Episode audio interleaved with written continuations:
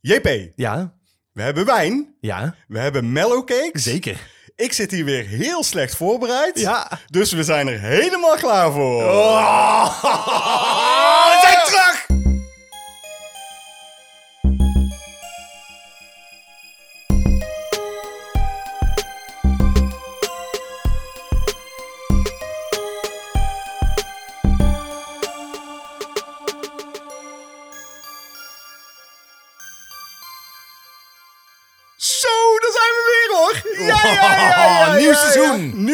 Het tweede seizoen van Cinepraatjes. De podcast van Cinemaatjes. Cinemaatjes. En dan is dit de allereerste aflevering van dat tweede seizoen. Of zullen we gewoon doortellen? Dat vraag ik me af. Nee, het is gewoon het tweede seizoen dan. Per jaar komt er een nieuw seizoen. God, ik moet er weer even helemaal Helemaal in in komen. komen, hè? Ja, het is ja, echt ja. lang geleden dit. Ja, het is, eh, het is vreemd. Maar we komen er zo in. Eh, dat komt helemaal goed. Natuurlijk zijn doorgegaan met onze reviews op youtube.com slash Dutch Nerd Club. Ja. eh, waar we gewoon geen pauze hebben gehouden. Nee, want dat is veel makkelijker te doen. Nou ja, Dit, dit kost best wel veel tijd, hè, mensen. stiekem wel hè. Ja. Ja, eh, qua voorbereiding, qua Ja. eh, editing. Je zou zeggen, nou, is dat totaal onvoorbereid. Maar nee. Nee. In deze chaos zit een behoorlijke planning. Dat zou je niet zeggen. Nee. Eh, wat ik ook eh, uit de chaos heb gehaald is het volgende. We hebben op onze Patreon pagina, patreon.com slash cinemaatjes, Ja. hebben wij een poll gedaan voor onze maatjes die daar eh, lid van zijn. Dat kun je dus ook worden. En daar hebben wij aan gevraagd van, eh, wat, wat vonden jullie nou van het eerste seizoen? En welke item vond je nou wel leuk? Wat vond je niet leuk? Welke moet terugkomen? Welke mag weg? Nou, dat hebben we allemaal gevraagd. En er zijn best wel verrassende leuke keuzes uitgekomen. Maar er kwam wel uit dat we het eigenlijk gewoon niet meer over onze reviews hoeven te hebben. Want die kun je die- gewoon die kijken. kijken. Ja. Ja. Tenzij er eh, iets is opgevallen of we zijn iets vergeten of er is een rectificatie. Dan kunnen we het erover hebben. En anders niet. Dus eh, dat hele item komt te vervallen. Het nieuwsitem is ook komen te vervallen. Ah, godzijdank. Ja, eh, dat scheelt een hoop Oh, man, huiswerk. Man, wat een scheidzooi was dat, zeg. Nou, dat valt ook wel mee. Nee, scheid. Eh, over onze maatjes gesproken. We hebben er een aantal bij gekregen. Ja. Zelfs in die periode dat wij onze podcast even stil hebben gelegd. Namelijk Iggy het Hart. Super bedankt Iggy voor je steun, sowieso. Ja. En eh, Patrick de Wolf is ook een maatje van ons geworden. Ook enorm bedankt voor deze steun. Is een mega fan, want die maakt zelfs compilaties van onze afleveringen. En die compilaties kun je dan weer zien op onze Facebookpagina. En dat is facebook.com slash cinemaatjes. Nou, hè, niet voorbereid. Hoe is het? Dan heb ik dus eigenlijk alles al zo'n beetje gezegd. Behalve dat je deze afleveringen op soundcloud.com slash cinepraatjes kunt luisteren. En dat we ook nog een Instagram pagina hebben. En dat is instagram.com slash cinemaatjes 013. Ik snap niet dat er niet in de poll heeft gestaan dat het gewoon strontvervelend is dat je elke keer die websites moet herhalen. Kunnen maar daar niet moet. gewoon een vaste jingle van maken? Nee, dat ga ik niet doen. Daar Ah. heb ik gewoon geen zin in. Nou, de maatjes heb ik genoemd. Eh, wat, oh, ik heb alles genoemd eigenlijk. Wat leuk was natuurlijk, dat, eh, wat, wat jij al zei van eh, Patrick de Wolf... dat hij die compilaties voor ons heeft gemaakt. Ja. Super gaaf. Maar wat nog veel leuker is... Nou, dat is trouwens niet waar. Dat is even leuk.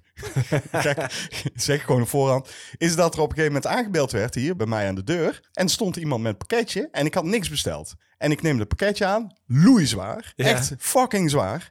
En ik maak die doos open. En er zit een briefje in. En die ga ik nu voorlezen. Ja, doe dat. Hoi Cinemaatjes. Ik kan niet wachten op het tweede seizoen van Cinepraatjes. hey, daar is hij Hey. dan, eindelijk.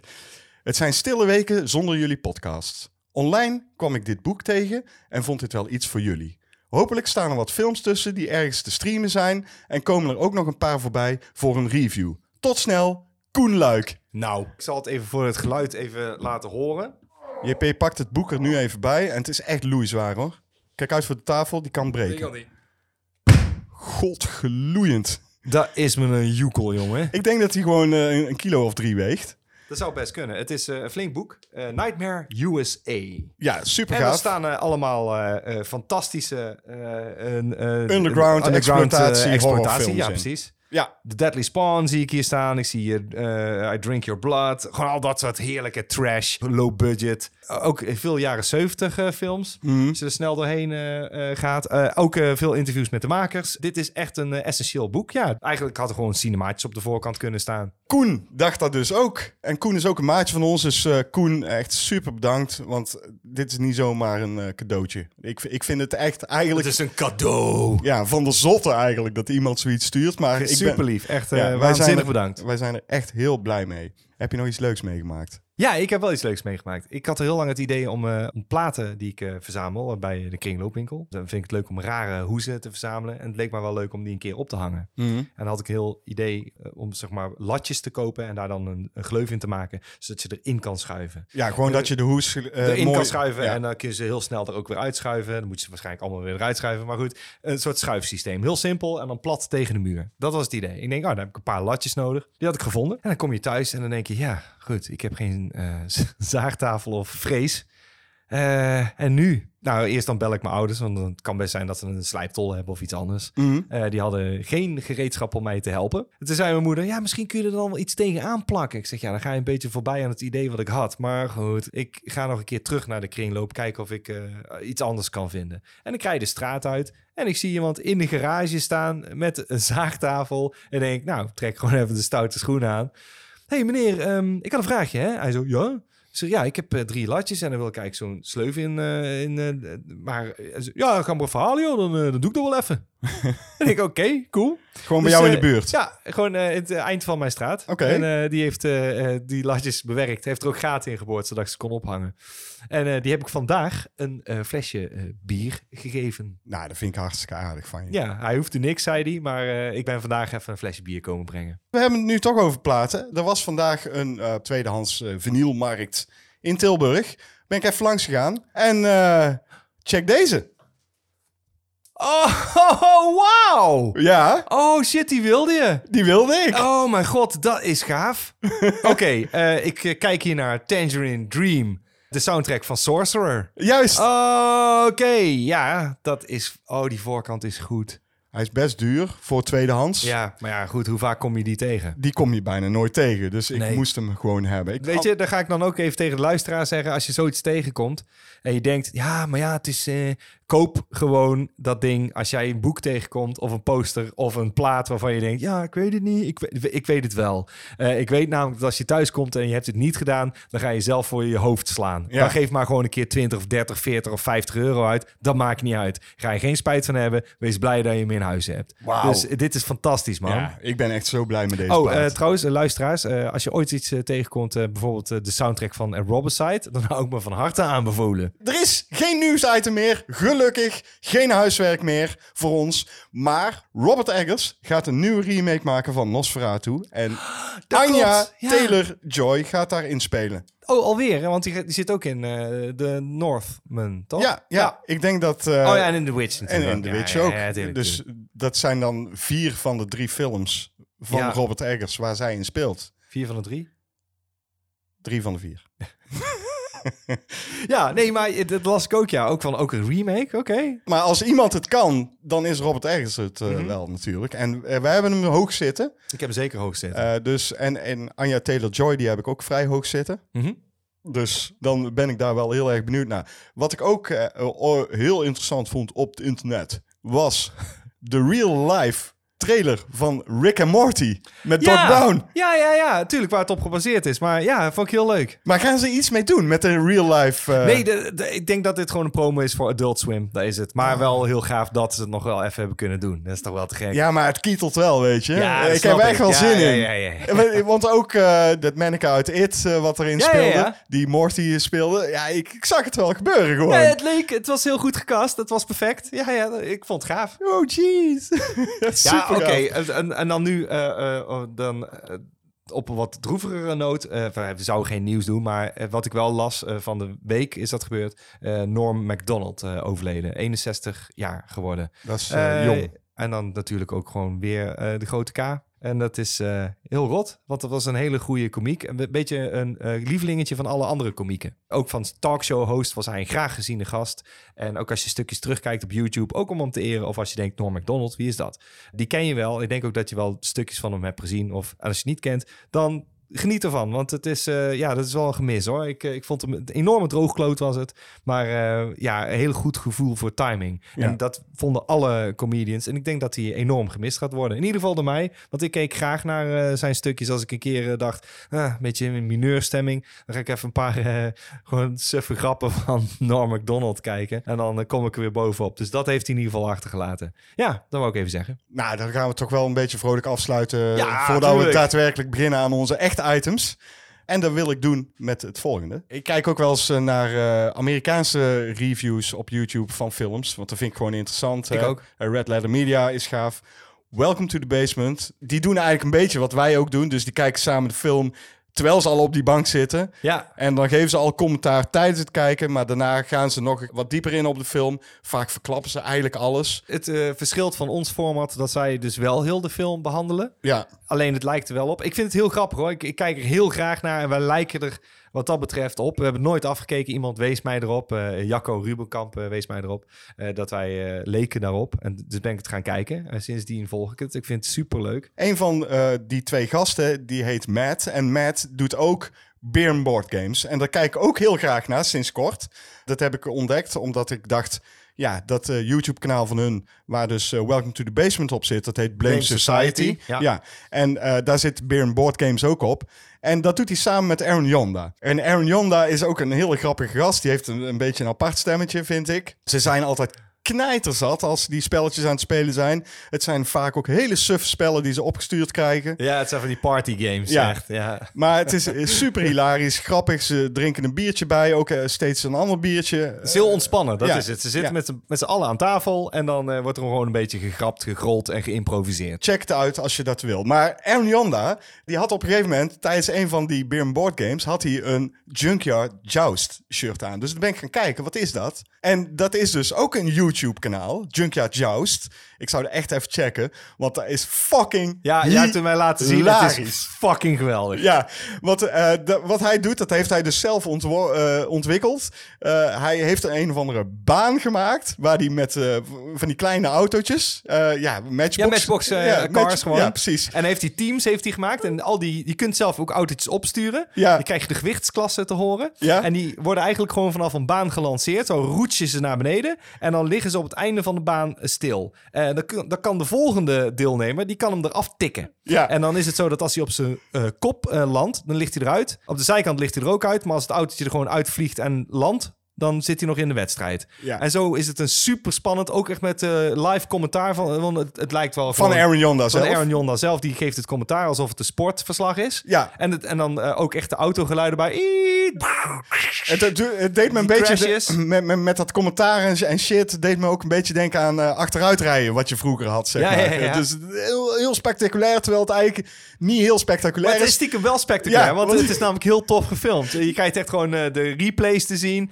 En dan denk je, nou, eh, ik kijk twee minuten. Maar dan vervolgens ben je gewoon meer dan een kwartier aan het kijken naar gewoon autootjes die tegen elkaar aan botsen. Ja, super gaaf. Echt, ik, ik, ik raad Kan het je van harte aan. Ja, ik wou net zeggen, ik kan ook van harte aanraden. Dit. Junkyard Joust, eh super gaaf. Echt ongelooflijk. Dat wou ik gewoon even gezegd hebben. En ik vind dat deze podcast daar ook gewoon eh, het medium voor is. Ja, vind ik ook.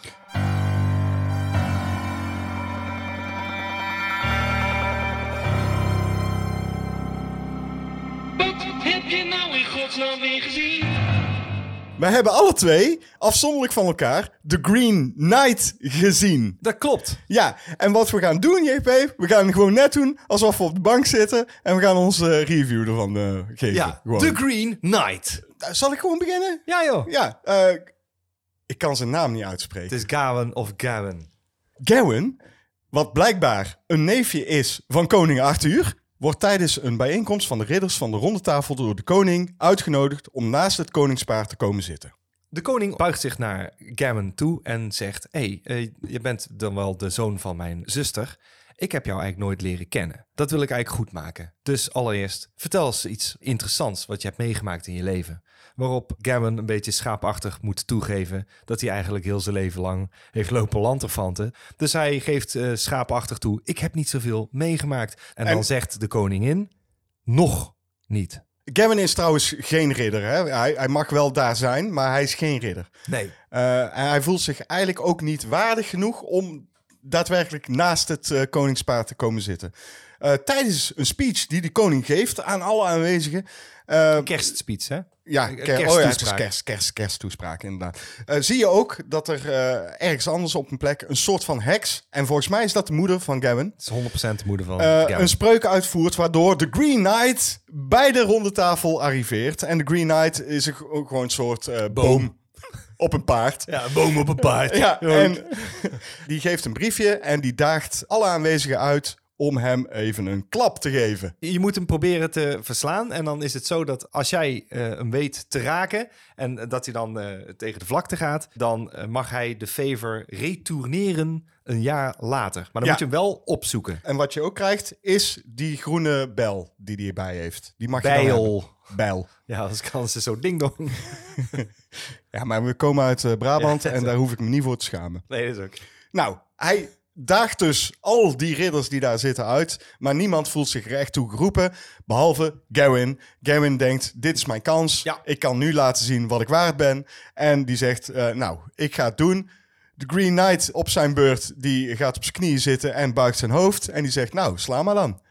Eh, eh, hij krijgt het zwaard Excalibur van koning Arthur en hij hakt zo dat hoofd van de Green Knight eraf. Dan vervolgens staat de Green Knight op, pakt zijn hoofd op dan zegt hij, ik zie je volgend jaar. Precies. En dan rijdt hij weg. Ja. En dan eh, is het een jaar eh, woelen en, eh, en, en zorgen maken van Gavin. Wat ga ik nou precies doen? Ja, dus dan gaat hij op reis. Ja, en naar- dat is, is de Green Green Knight. Ja, wordt het te lang. Ja, precies. Ik ga gelijk met deur in huis vallen, JP. Daar zit een beetje het probleem in. Want wat we nu hebben gezegd, dat is ongeveer 10 minuten van de film. Ja. Dan begint er dus een quizne van eh Gavin. En eh, die gaat dan eh, op, op zoek naar de Green Chapel. Dat is ergens noordwaarts. En dat eerste stuk is dusdanig kort eigenlijk... dat ik gewoon geen enkele feeling heb met dat hoofdpersonage. Nou, dan eh, hebben we meteen de spijker eh, op de kop. Dat is precies mijn probleem met de film dus ook. Hij gaat op een quest en dan moet hij allerlei opdrachten vervullen. En die hebben te maken met de vijf pijlers. Het is het vriendschap, eh, metgezelheid, vroomheid, dat soort dingen. Zijn vijf pijlers, dat weet ik niet zo uit mijn hoofd welke het allemaal zijn. Maar die vijf. En die worden verbeeld in de situaties waar die tegenaan loopt. Hij is zo unlikable en zo'n eh stoïcijns laf personage. En ook helemaal niet aardig, hè? Nee. En dat hij daardoor dus eh, eh, niet slaagt in die opdrachten. Maar dan weet je ook meteen van, wat een zakkenwasser. Wat een zak hooi. En die moet je dan anderhalf uur gaan volgen. Ja. En dat is meteen het probleem van de film. Want de film ziet er geweldig uit. Ja, hij ziet er fantastisch uit. Echt, eh, mooie, mooie locaties, mooie shots, mooie set pieces. Goede belichting. En deze heeft echt niet veel geld gekost. Deze heeft gewoon heel goed gebruik gemaakt van de omgeving. Heel goed gebruik gemaakt van eh, cinematografie. Ja, Alles. ja. En dat zie je eraan af. En ik vind ook de hoofdrolspeler goed. Alleen, ja, weet je wel, het materiaal is gewoon, de oude legende dus, dat het gewoon een heel vervelend personage is. Ja, wat ik eh, gewoon had gehoopt is dat ze wat meer eh, hadden ingediept in dat personage. Dat ze vooraf wat meer van hem hadden laten zien, zodat Ja. je ook met hem mee kon gaan leven, weet je wel. En nu ben je na 10 minuten, denk je van, oh fuck, hij slaat het hoofd eraf en, Ja. en hij gaat gewoon anderhalf uur eh, op een paard zitten. Ja. En dan denk ik, ja, wat moet ik nou voor een gevoel hebben met die gast? Ik heb niks met deze gast. Nee, en dan en de dingen die hij doet, die zijn verwerpelijk. Elke keer denk je, waarom doe je dat nou? Waar- Ja. Waarom doe je dit nou? Waarom zeg je dit? Waarom doe je dit? En dan verklap ik niks, maar je weet precies waar ik het over heb. Mhm. Ja, Weet je wel, wordt nou net van jou verwacht dat je dat niet doet en dan doe je het nog. Dan ben je gewoon een lul. En op het einde zou dat dan eh, rechtgebreid moeten worden. En dan verklap ik nog steeds niks. Nee. En dat gevoel had ik niet. Want het is een soort open einde. Ja. Dat mag je zelf invullen. Mhm. Maar dat vond ik onbevredigend daardoor. En het is onbevredigend niet omdat ze dat einde hebben gekozen. Het is onbevredigend omdat hij een lulde behanger is. En ik gun hem niks. Nee, eh, maar voor mij had hij best een lulde behanger mogen zijn, maar had hem wat meer backstory mee Hij had ergens gewoon... Ik vind gewoon een goed verhaal is gewoon... als jij personage eh, eh, allerlei ordeals mee laat maken... maar hij moet groeien tijdens het verhaal. En als hij dat niet doet, dan vind ik het een waardeloze film. En Ja. dat vond ik. Dat vond ik ook. Wat ik wel, ja, want jij ge- geeft al aan dat hij op zich best wel goed acteert, hè, dat die is- acteur. Ja, ja, zeker. Dat was het ding. Er werd echt wel goed geacteerd. Er zaten goede acteurs in. Zeker. Ehm, de twee ouders uit The Witch zaten erin. Ja. Alicia Vikander, die ook in Ex Machina speelde. Wat trouwens, hier vond ik er niet zo mooi. Nee, je zat, dus- ik moest ook kijken van... ik- Oh ja, het is inderdaad... Ja, Ja, ik weet niet. Ze hebben er gewoon niet zo mooi geportretteerd. Terwijl het wel een mooie vrouw is.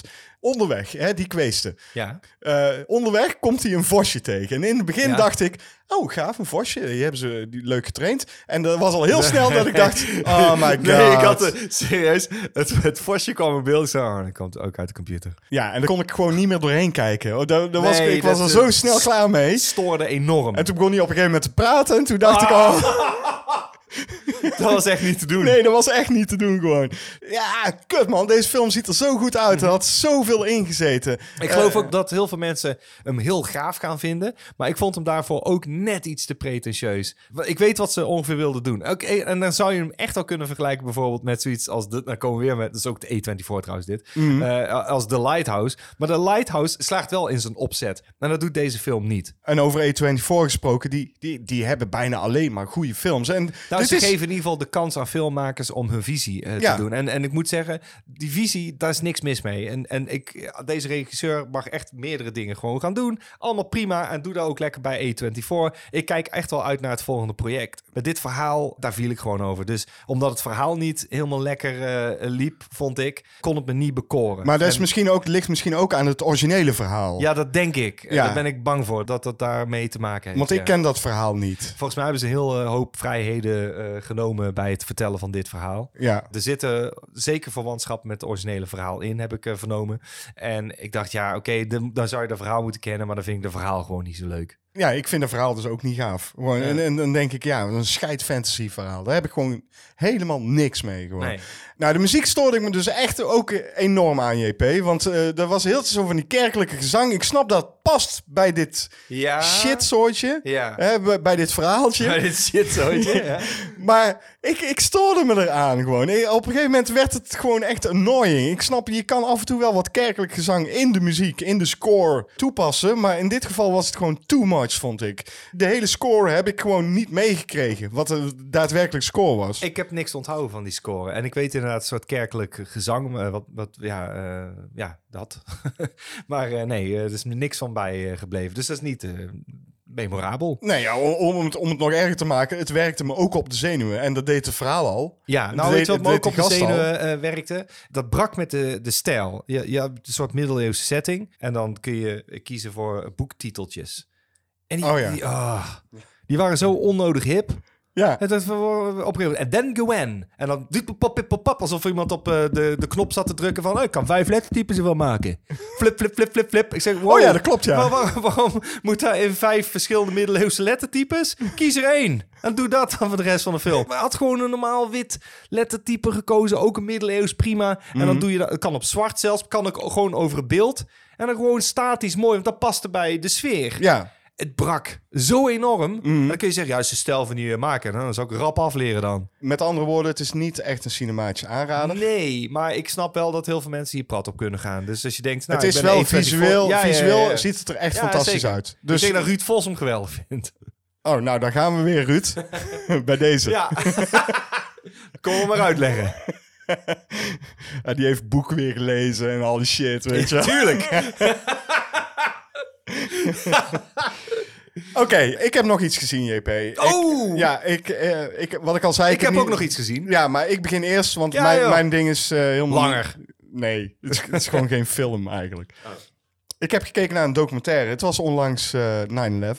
Dat is twintig jaar geleden. Dat, eh, dat, Dat moet gevierd worden. Nee, daar moet je niet zo grap over maken. Dat Natuurlijk was 20 jaar geleden man. gek. Ah, ja, precies. Mag onderhand. Oh nee, is te, te vroeg. Nee, maar twintig jaar geleden was dus die terroristische aanval op het, eh, op het WTC-gebouw. De, de, de Twin Towers werden doorboord door vliegtuigen. Het was 9-11 toen ik tv aan het kijken was. En toen kwam de documentaire 9-11 Live Under Attack op tv. En dat is een recente documentaire uit 2021. En wat hij doet is fantastisch. Ik was zo onder de indruk van deze documentaire. Ik heb hem aangezet en ik kon niet stoppen met kijken. De film volgt een aantal mensen, gewoon New Yorkers of mensen die op dat moment in New York aanwezig zijn, die toevallig aan het filmen zijn. Dus dat is allemaal, zeg maar, homemade movies. Je volgt onder andere een gezin wat uit Californië komt, die daar op vakantie is. Die zijn vlakbij het WTC, eh, zijn ze aan het filmen. Eh, je hebt een eh, camerateam wat met een brandweereenheid meegaat. Dat is al in een andere documentaire ook gebruikt, meen ik me te herinneren. Maar goed, dat wordt ook verweven in deze documentaire. Een aantal studenten die volgens mij ergens in een studentenappartementencomplex wonen, die op het dak staan te filmen, omdat ze iets hebben gehoord, weet je wel. Je hebt ook twee studenten die in een kamertje zitten, ook vlakbij het WTC-complex, eh, hoog ook. Je hebt een Poolse cineast die toevallig aan het filmen is. Een aantal gezinnen heb je ook. eh, een nieuwsreporter, een documentairemaakster. Nou, die, sommige gezinnen en eh, andere mensen, die zijn gewoon al aan het filmen. Die waren al aan het filmen. Het is een mooie dag, een mooie septemberdag in eh, New York. Zonnig, weet je wel. Ja, dat klopt. Eh, Ja. Iemand pakte de krant op van, oh, nou moet je kijken, het is eh 11 september 2001. Eh, gewoon dat soort dingen. En dan ineens gebeurt die verschrikkelijke terroristische aanslag. En dan krijg je dus echt gewoon echt dichtbij, van dichtbij echt mee wat er gebeurd is. Ja. Dan zie je dus die mensen ook van vol ongeloof. van, Wat is er gebeurd? Sommige mensen hebben het niet goed gezien. Eh sommigen zijn wat later met hun camera, weet je wel. Maar ze zijn allemaal vrij dichtbij. Ze zitten er echt bovenop. Ze weten niet wat er is. Ze, ze luisteren nieuws. Ze, ze kijken het nieuws. Ja, het- ze krijgen hetzelfde wat al- wij natuurlijk ook ja, allemaal ze deden, krijgen ja. flarden binnen. Eh, is het wel, er is een vliegtuig ingevlogen. Er is een vliegtuig ingevlogen. Dat kan toch niet? Eh, hoe kan het nou? Want eh, ah, het is allemaal. nou goed, dat is het ongeluk? Nee, dat weet ik niet. Ja, dat moet haast wel terroristen. En dan vliegt er nog een vliegtuig in, weet je wel. En oh man, je voelt gewoon de paniek en de angst en de onwetendheid van die mensen gewoon. En ze hebben het zo gaaf vastgelegd. Je krijgt geen talking heads. Oh, dat is heel gaaf dus. Je, je krijgt gewoon alleen maar die beelden die zij gemaakt ja, hebben. want anders zou het een standaard... Niet dat ik het erg vind hoor, maar dan, dan zou een standaard documentaire... Dus het is best wel... Het is gewoon een hele gave invalshoek die ja, ze hebben gekozen. Ja, ja, ja, je zit echt... Oké, kun je hem ergens kijken? Nou, dat kan ik jou zeggen. Hij is natuurlijk op de VPRO geweest, Mhm. gewoon. Dus je kan hem op eh, NPO gemist, kun je hem gewoon terugkijken. Maar hij staat ook in zich heel op YouTube. Echt, jongen, je zit echt op de huid van de New Yorkers. Je hoort die mensen tegen elkaar praten ook. Mensen die elkaar bellen Ze van... hebben dus al die beelden zeg maar gecombineerd tot één documentaire ja, live. Ja, ja, ja. Oh, oké, dan, dan zit je er echt gewoon helemaal in. Je zit erin. Het meest indrukwekkende was de cameraman die de brandweereenheid volgde. Ja. Die gingen dus echt gewoon dat gebouw in. Die waren op een andere oproep. En ze zagen dat ook gewoon gebeuren. Dat zie je ook gewoon, dat die camera dat ineens zo filmt. Hop, meteen erheen natuurlijk. En dan zitten zij dus in een toren en je hoort gewoon... poef, poef, poef. De lichamen vallen op het gebouw gewoon. Oh, dat is echt Van mensen die uit die, eh, uit die brand springen. Ja, dat vond ik misschien wel. Dat is misschien wel wat me echt bij is gebleven. Want daar kun je bijna niet naar kijken. Maar er is wel uitgezonden. Die mensen die eh, gewoon in paniek zijn gesprongen. Ja, Dat is heftig hoor. Dan ben je echt de einderaad hoor. Ja, Dan denk je ook van oké, nou laat maar zitten. Dit was hem. Dat was spring. heftig, jongen. En die brandweerlieden die waren dus in, eh, in die andere toren aanwezig. Hadden, volgens mij hadden ze daar hun commandopost. Ja, ja. En Toen stortte dus die, eh, die ene fucking toren in. Ah man, jongen, je ziet die beelden van dat die torens instorten. Je zit daar zo dicht op. Je ziet gewoon die puinwolk aankomen. Ja. Duisternis daarna. Echt ongelooflijk, echt. Ik, ga hem, eh, ik ga hem opsnorren. Absoluut. ik, eh, ik ben om. Ik eh, ben heel benieuwd. Absoluut aanraden, wat mij betreft. E- enorm indrukwekkende documentaire over dus 9-11.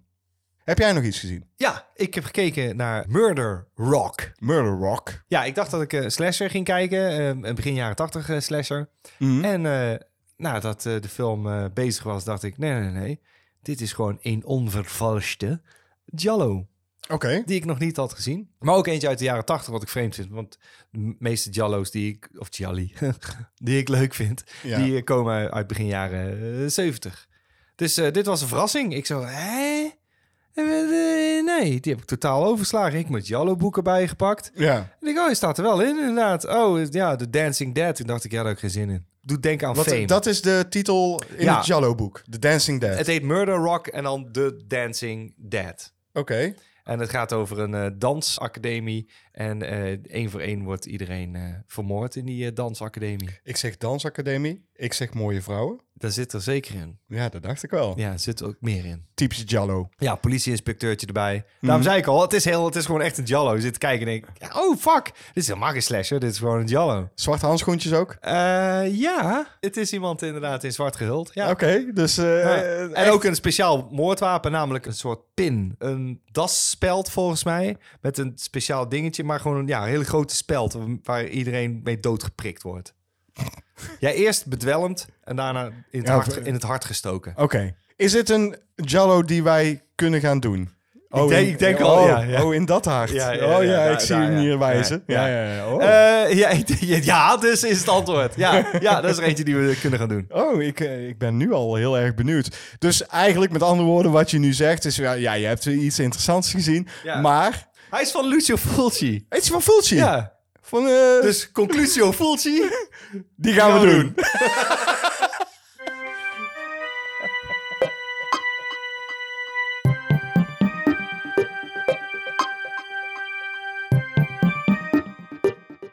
Uit de kast. Uit de kast. Jippe, ik dacht een fucking eh goede kast was.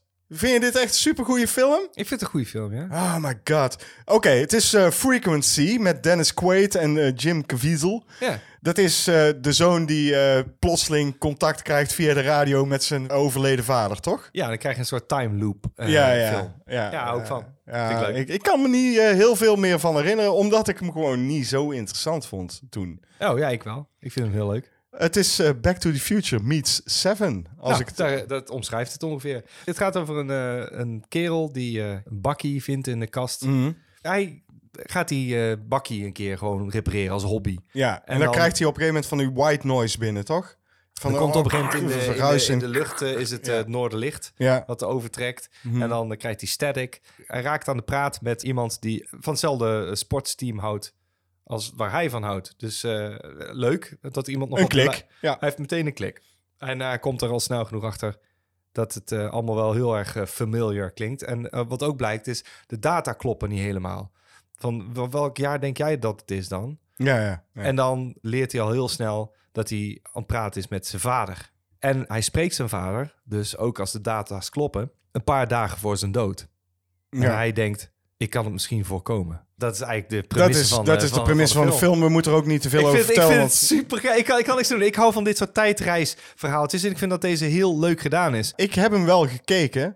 Ja, dit is mijn geheugen. Dat weten jullie luisteraars inmiddels al wel. Mijn geheugen laat mij in de steek. Het enige wat ik dus wist is dat hij met inderdaad een bakkie Mhm. aan, de, aan het vreubelen was. En dat hij ineens iemand hoorde waarvan hij dacht van... Oh, dat zou mijn vader wel eens kunnen zijn. Dat is het enige wat ik nog weet. Ik zal een scène aanhalen die ik fantastisch vind. Oké, vertel. Op een gegeven moment hebben ze vingerafdrukken nodig. Eh, Mhm. Ik zeg me niet waarom. Ze zijn ook bezig met een moordonderzoek. En die vader zou hem daarmee kunnen helpen. En die, die bemachtigt op een gegeven moment vingerafdrukken. En ziet, maar hoe ga ik die aan jou geven 30 jaar later? Hij zit nog in zijn ouderlijk huis. Ja, ja, precies. En dan zegt hij, ik verstop het in de, de bak. Bij de verwarming zit een los luik. En als hij gaat kijken, dan ligt het daar ook helemaal verstoft. Dat heeft al 30 jaar overbrugd. Wat ik fantastisch vind. Het gebeurt ter plekke, maar het, het gebeurt op het moment dat hij het daar neerlegt. Maar dan is het wel 30 jaar later. Mm. Meteen. Dus dat soort rare... Maar het is heel goed verzonnen. Oké, nou, ik ben, de, ik ben eigenlijk wel Een weer- leuke time waster vind ik het. Daarom heb ik hem... eh, nou, volgens mij heb ik hem een keer uit een bak gevist. Weet je wel, eh, de bak van eh verhuur eh, dvd's. Mhm. Oh, leuk. Ja, die vond ik wel leuk. Die neem ik mee voor drie eh, euro. Doe je dat vaker, trouwens? Ding uit een eh, verhuurbak. ja, ja, nu niet meer, maar... nee. maar Vroeger deed ik dat wel, ja? Ja. Dat is ook eh, de reden dat ik veel van die dvd's heb. Want ik was laatst bijvoorbeeld bij de Mediamarkt. Daar heb je dus ook gewoon een bak staan met... eh, dit zijn de afgeprijsde dvd's, Blu-rays inmiddels. Ja, nee, dat doe ik niet. Ik, Nee? doe het, ik, nee, ik haal het dan echt bij een kringloop. Ik, ik kon me bijna niet eh, weerhouden om er toch doorheen te kijken. Ja, dat is wel leuk. En eh, er staat ook wel genoeg tussen. Alleen, ja, ik vind die prijzen dan, denk ik, ja, eh, weet je wel. Ik heb het niet Ja. gedaan hoor, maar ik dacht wel van... Oh shit, ga ik eens even kijken, wat staat erin? Toen zag ik heel snel al Skyscraper erin staan. En toen Ja. dacht ik, Skyscraper, die is net op Netflix verschenen. Ja. Dus dat zal wel de reden zijn Ja, dat hij nu wordt afgeprijsd. Dus ja, eh, en het is niet een film die ik wil of zo. Maar dat is, er lagen behoorlijk wat films in die bak. Ik loop wel eens langs de afdeling om te kijken wat ze hebben staan, hoor. Dat wel. Ja, Maar nee, ik neem niks mee. Ik ben eh, meer van de kringloop. eh, weer- oh, en markten. Gewoon echt eh, eh, beurzen. Daar vind ik het wel leuk om. en heb je op de kringloop, koop je daar veel dvd's? Of, Ik koop wel dvd's, ja. Als ik dingen tegenkom, dat ik Ja, ik hou mijn oog open voor goede Blu-rays, maar dat hoef je in Nederland niet echt te verwachten. Want als iemand al een echte verzamelaar is, dan gaat hij dat niet wegdoen. Totdat er een nieuw medium komt. Ja, dat is het. En dan kun je het weer bij de vleet opkopen. En ik denk ook dat ik dat gewoon ga doen. Want er is niks mis met een Blu-ray. Er is eigenlijk ook niks mis met een DVD. Daar kun je nog overvallen, maar het is onzin. Met upscaling kun je de meeste DVD's gewoon goed bekijken. En dan ziet het er nog steeds oké uit. Ja, weet je wel, voor die 1 of 2 euro die je er nou voor betaalt. Neem gerust mee. Vaak staat er ook nog audiocommentaar op. Wat er bij sommige Blu-rays, als je de simpele uitgeklede versie hebt, niet op staat. Wat let je dan om het eh, te laten liggen, denk ik dan. Eh, en Blu-rays, ja, eh, als ik die dadelijk eh, ook in de uitverkoop kan eh, mee eh, sjoemelen, dan doe ik dat. Ja, ik moet eerlijk zeggen, ik kom bijna nooit in kringloopwinkels. Dat zou ik echt vaker moeten doen, want als ik jou moet geloven, is dat gewoon echt de shit. Ja, dus kringloopwinkels. Als je. Frequency ziet liggen, kun je hem wat JP betreft gewoon kopen. Gewoon meenemen. Precies.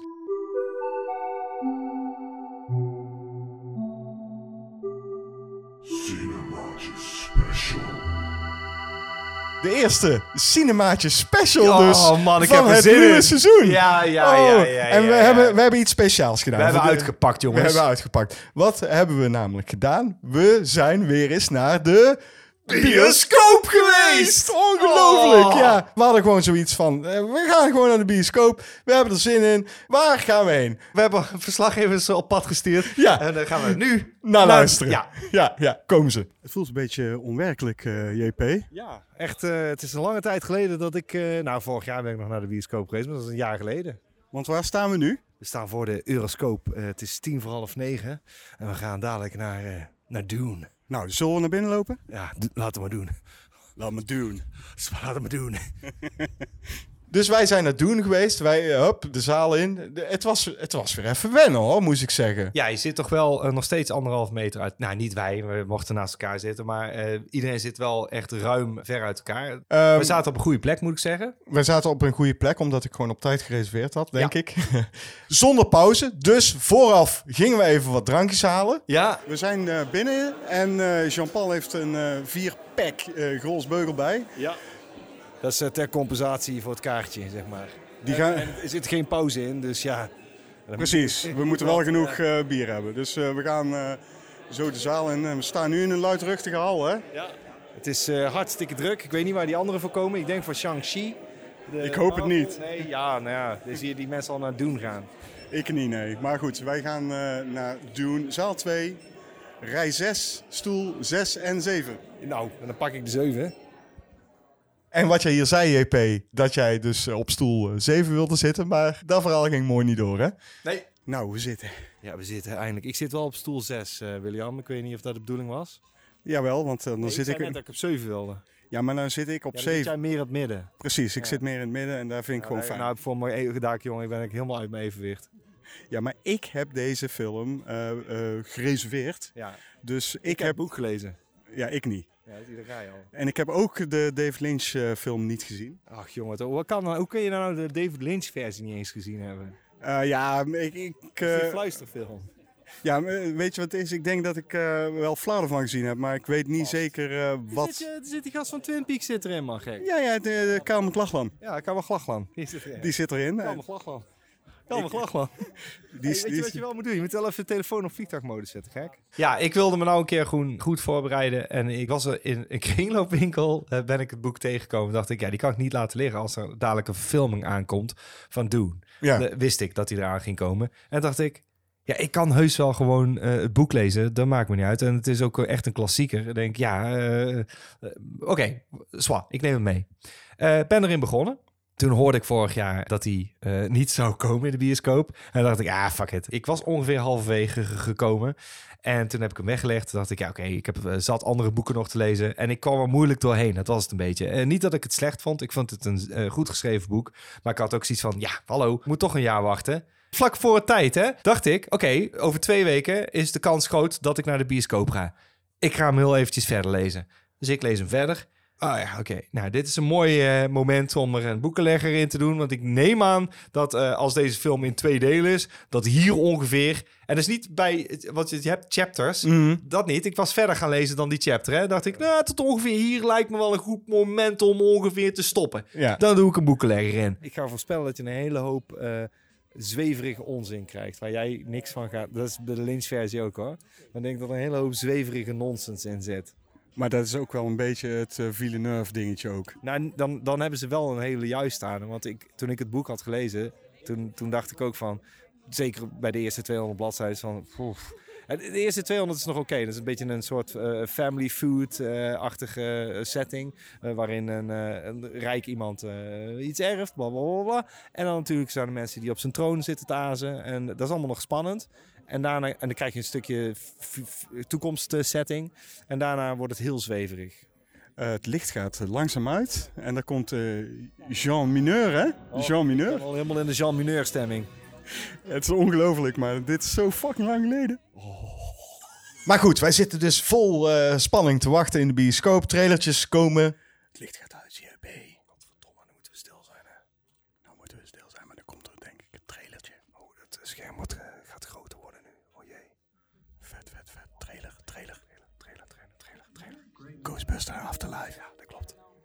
Helemaal te gek.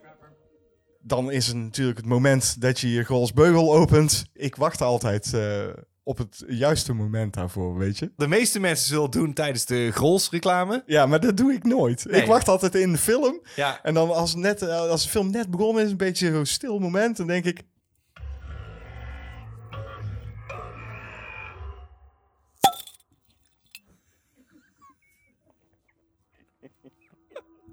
We waren enorm onder de indruk toen wij klaar waren met het kijken van deze film. Ja. Eh, dat hoor je nu eventjes.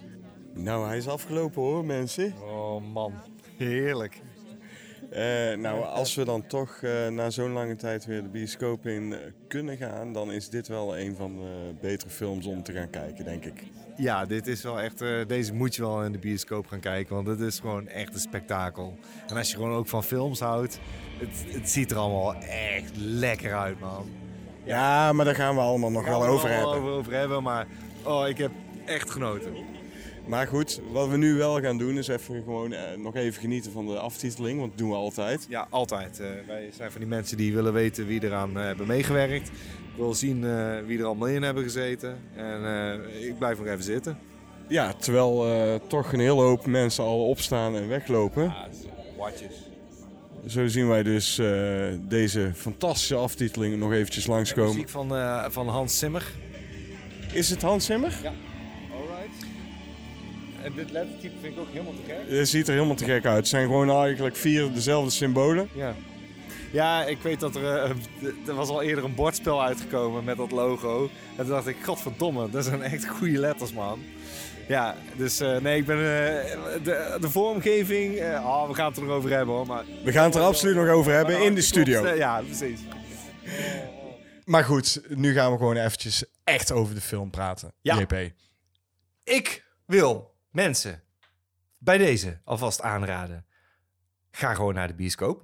Weer. Ja, En als je dan toch een film moet kiezen, ga gewoon naar doen. Dat is echt een spektakel. Oh, je wou een, eh, een, een spektakel? Je wil, je wil even overdonderd worden met de grootste dingen. En, eh, en het moet er mooi uitzien. En je wil gewoon vermaakt worden. En je hebt zoiets van, ah, ik heb wel even 2,5 uur eh, die ik kan doorbrengen. En ik wil gewoon echt knallen. ja. Ga gewoon naar doen. Want- Oké, maar we moeten wel eerst even in het kort het verhaal uitleggen. Ik heb mijn best gedaan, JP, Oh, zonder, zonder het boek te lezen, om eh, het verhaal strak op te schrijven. Het enige waar ik niet uitkwam was, hoe heette die, die andere? Harkonnen. Die, Harkonnen. Harkonnen? Ja. Harkonnen. Harkonnen. Ja. In de verre toekomst, echt ver, JP, echt ver hè? Ja. Het was denk ik 10.191 uit mijn hoofd. Wordt de hertog van het huis Artedis door de keizer opgedragen om naar de planeet Arrakis... Atreides. Artedis. Die wordt opgedragen... eh, Opgedraaien. ja, shit. Oh, ja, gewoon opgedraaien. Nee, Kijk, de namen zijn fout. ja. Die mag je straks allemaal... eh, Eruit knippen. nee, die mag je straks allemaal verbeteren. Ja, ja, Laat zo. me nu gewoon ik, dit ik, verhaal. laat je gewoon het ding doen. Atreides, Atreides. Wordt de hertog van het huis Atreides door de keizer opgedragen om naar de planeet Arrakis te gaan. Arrakis wordt eerst bevolkt door de Harkonnen. Hak, hak, Harkonnen. Harkonnen. Shit, Oh, doe je toch. de eh, Arrakis wordt eerst bevolkt door de Harkonnen, die daar rijkdom hebben verworven vanwege de aanwezigheid van specie. Een grondstof die naast levensverlenging en hallucinatie ook nodig is voor de verre ruimtereizen die ze daar doen in deze wereld. Samen met zijn vrouw Lady Jessica en zijn zoon Paul, die speciale gaven lijkt te hebben en de opvolger zou kunnen worden van de hertog zelf, vertrekken ze naar deze planeet. waar de oorspronkelijke bewoners jarenlang hebben gevochten tegen de Harkonnen. Maar dat is niet wat hertog eh, Leto, zoals die heet, van plan is. Hij wil de banden met het volk verbeteren. Toch zijn ze ook met andere bedoelingen naar deze planeet gestuurd. En dat kan wel eens verkeerd uitpakken.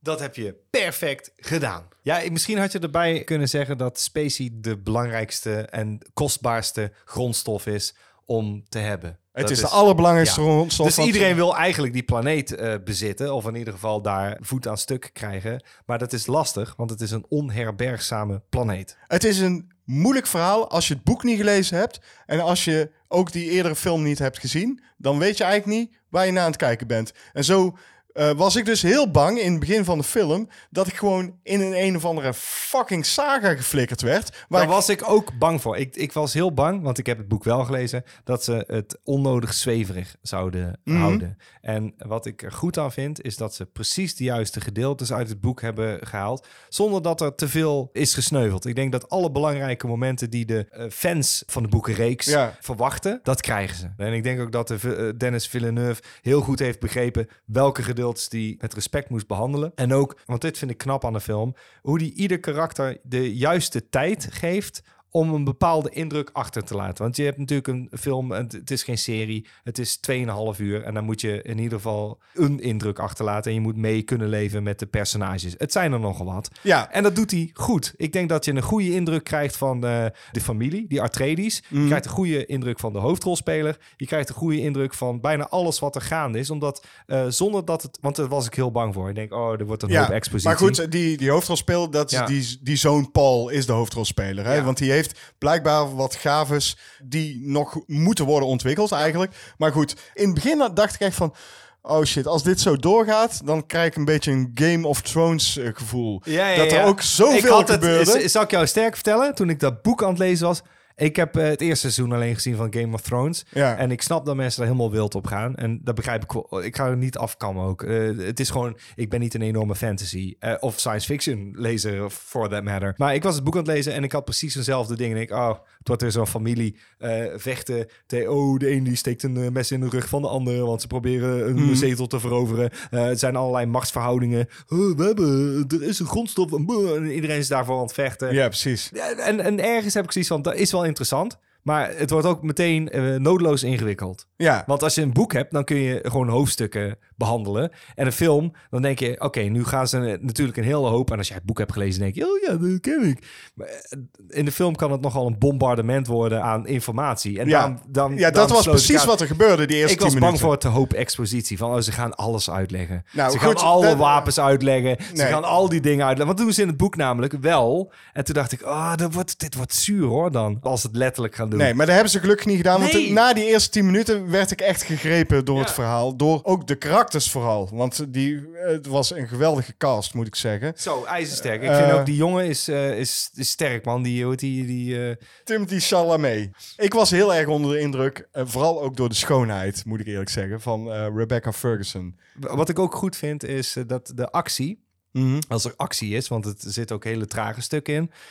Niet erg, want eh, bij Blade Runner viel ik daar nogal over. Oh, daar vielen nou- wij enorm over. En deze film heeft die ademruimte nodig. Precies. Het werd nergens onnodig episch. Wat je in grote blockbusters vaak hebt. Van oh, enorme eh, veldslagen. Waarbij je niet ziet wat er precies aan, aan de hand is. Terwijl er wel, er is wel zo'n veldslag. Maar hij was niet onnodig episch gewoon. Er werd gewoon gevochten en je zag wat er gebeurde. Je kon het heel goed volgen. Het Juist. was daardoor visueel aantrekkelijk. Ja. Omdat je gewoon op een afstand eh, zat te kijken naar bijvoorbeeld eh, dingen die ontploffen. Je was eh, een toeschouwer Ja. eh, van, van de afstand. Eh, zonder dat je er helemaal middenin zit en het is eh kei visceraal. Af en toe deden ze dat wel, want dan zaten ze iets dichter erop. Maar dan was je nog steeds een toeschouwer. Ja, Zo en het was, het was niet van die grote clashes tussen grote groepen Ja, legers. geen shaky cam, Nee. eh, geen rare... Nee, dit was echt gewoon zo goed geregisseerd en zo visueel aantrekkelijk. Ja, omdat deze, eh, dit waren niet van die immense groep, geen tien Nee, ze, ze duizenden tegen elkaar, weet je elke wel. keer als er werd gevochten, dan, Ja. dan, dan ging de camera naar tien mensen die aan het vechten waren. Precies. En dan gingen ze weer naar twintig mensen die aan het vechten waren. Juist. En dat was heel goed te volgen. Ja. En dan ergens op de achtergrond zag je dat er een groter eh, slagveld plaatsvond. En dat was gewoon goed te volgen. En daardoor maakte het... eh, geen vervelende ervaring. Het was gewoon heel fijn om alles te bekijken, zeg maar. Ja, dat vond ik Zeker ook. op groot scherm, dan heb je een hoop te zien. En dat maakt het gewoon gaaf. Ja, want deze film is fantastisch om naar te kijken. Eh, Ja. Het is een geweldige eh, worldbuilding die hij hier neerzet. Dennis Villeneuve, hè? Ja. Denis, Denis, Denis. En die heeft gewoon heel erg goed... eh, wat- Prachtige sets, Ja, oh shit. prachtige Ja, shots. ik, ik heb het boek gelezen nogmaals. En ik had een bepaald beeld bij het lezen van het eh, eh, boek. Ja. En niet eh, het doen van David Lynch of zo. Ik denk, ik ga gewoon leeg vel werken. En dan vul ik het zelf in. En ik had een beetje, een beetje... bij, ik, ik had flarden van... Zo ongeveer had ik het me wel voorgesteld. Ja. En dat is precies wat deze film uitdraagt. Het is Dennis Villeneuve die gewoon ontzettend fan is van dit boek. Hij heeft dat dit boek moet wel. Hij heeft dit boek gelezen, dat heb ik dan weer eh, opgezocht. Hij heeft het boek gelezen toen hij 12 was. En toen dacht hij, als ik ooit filmmaker word, wil ik dit verfilmen. Nou, dan ben ik blij dat hij degene is geweest. En nogmaals, als jij fan bent van dit boek... Ja, maar hij laat dus echt zien van, ik heb dit boek gelezen. Ja, ik weet, ik weet waar ik fucking Ik over zei- heb, ik, weet zei- je jij- ik zat de hele tijd naar jou en, zo, en toen zat ik van eh, een soort eh, eh, streep of vink te, beweging te maken van vinkje van dit is uit het boek. En dan zei ik ook tegen jou, dit is letterlijk, letterlijk wat er in het boek staat. Ja, Letterlijk. Ja, om even te zeggen, met terugwerkende kracht zijn we wat streng geweest tegen Dennis Villeneuve, denk ik. Ja, nee, maar dat was over Arrival. En daar Nee, mag maar niet alleen zijn. Arrival, ook Blade Runner, waar wij streng over. En ja, hij- maar ik- nee, ik, luister. Oh, eh, Oké, Nee, nee, ik- nee, nee, ik nee, Ik wil daar iets over Ik zeggen. wil er ook iets over zeggen. Ja, maar ik wil eerst. Oké, dan jij eerst. Ik wil zeggen, ik denk dat hij serieus deze twee films, hè, eh, Blade Runner 2049 en Arrival, nodig heeft gehad om zich voor te bereiden op deze film. Dit is wat hij wilde maken. Dat en hij wilde eerst, hij moest eerst oefenen. Oefenen. Ik heb hier gisteravond over na zitten denken. Ik heb later natuurlijk Blade Runner nog een keer opnieuw gekeken. En toen had ik er minder problemen mee. Ook omdat je dan de film al hebt gezien. Mhm. En dan kun je hem dus nog een tweede keer bekijken. Wat het dus inhoudt dat het een goede film is. Ja, Ik had er geen probleem mee. Ik had ik zoiets van, oké, ik snap het. Ik vind niet dat hij te traag is. Wel, eh, eh, eh, het, het, hij had korter kunnen zijn. Dat is al. Maar voor de rest is het een goed gemaakt film. Het is ook dat zijn visie daar wel doorheen zijpelt. En het is natuurlijk knap dat hij bij Blade Runner uiteraard in de voetspoor moet treden van Ridley Scott. En daar dacht ik over na. En toen dacht ik, ja, hij heeft dus wel degelijk een soort voorbereiding gemaakt op Dune precies. ja, het leunt heel erg op Blade Runner. Ja. En nog heeft hij daar zijn eigen stijl aan gegeven. Maar het voelt nog wel aan als Blade Runner. Ja, Maar anders. Ja. En toen dacht ik, ja, want het is Villeneuve. Ik zei, dat is knap. En dan moet ik hem dan toch eh, nageven. Ja, wel goed gedaan. Alleen het is een beetje dan welk verhaal kies je. En dan, eh, dan is het afhankelijk van welk verhaal vind je interessant. ja. En eh, in dit geval heeft hij dus wijselijk, en, en daar ben ik ook blij om, gekozen voor Doen. En ja, ik ben blij toe. Ja. Ik ben zo blij dat ik dus van tevoren het boek heb gelezen hè? en Mhm. gestopt ben op het juiste moment. Ik tikte jou aan ik zei, dit is het moment dat ik ga stoppen. Het stopte niet! ja, klopt. Ik zo, dit, eh, zo nou, eh, hoe lang gaat het? Ik zei, nou, dit, is, dit wordt hem hoor. Dit is de afronding. En toen zaten wij daar in de bioscoop, aftitelingetje. We zijn als enige nog in de zaal, denk ik. Nee, nee, dat is niet waar. Er zitten nog een paar mensen achter ons, maar eh, wat een shitload voor, eh, wat een shitload aan mensen hebben hier aan meegewerkt. Heel dorp gewoon. Dit dit is ongelooflijk. Het is niet normaal, man.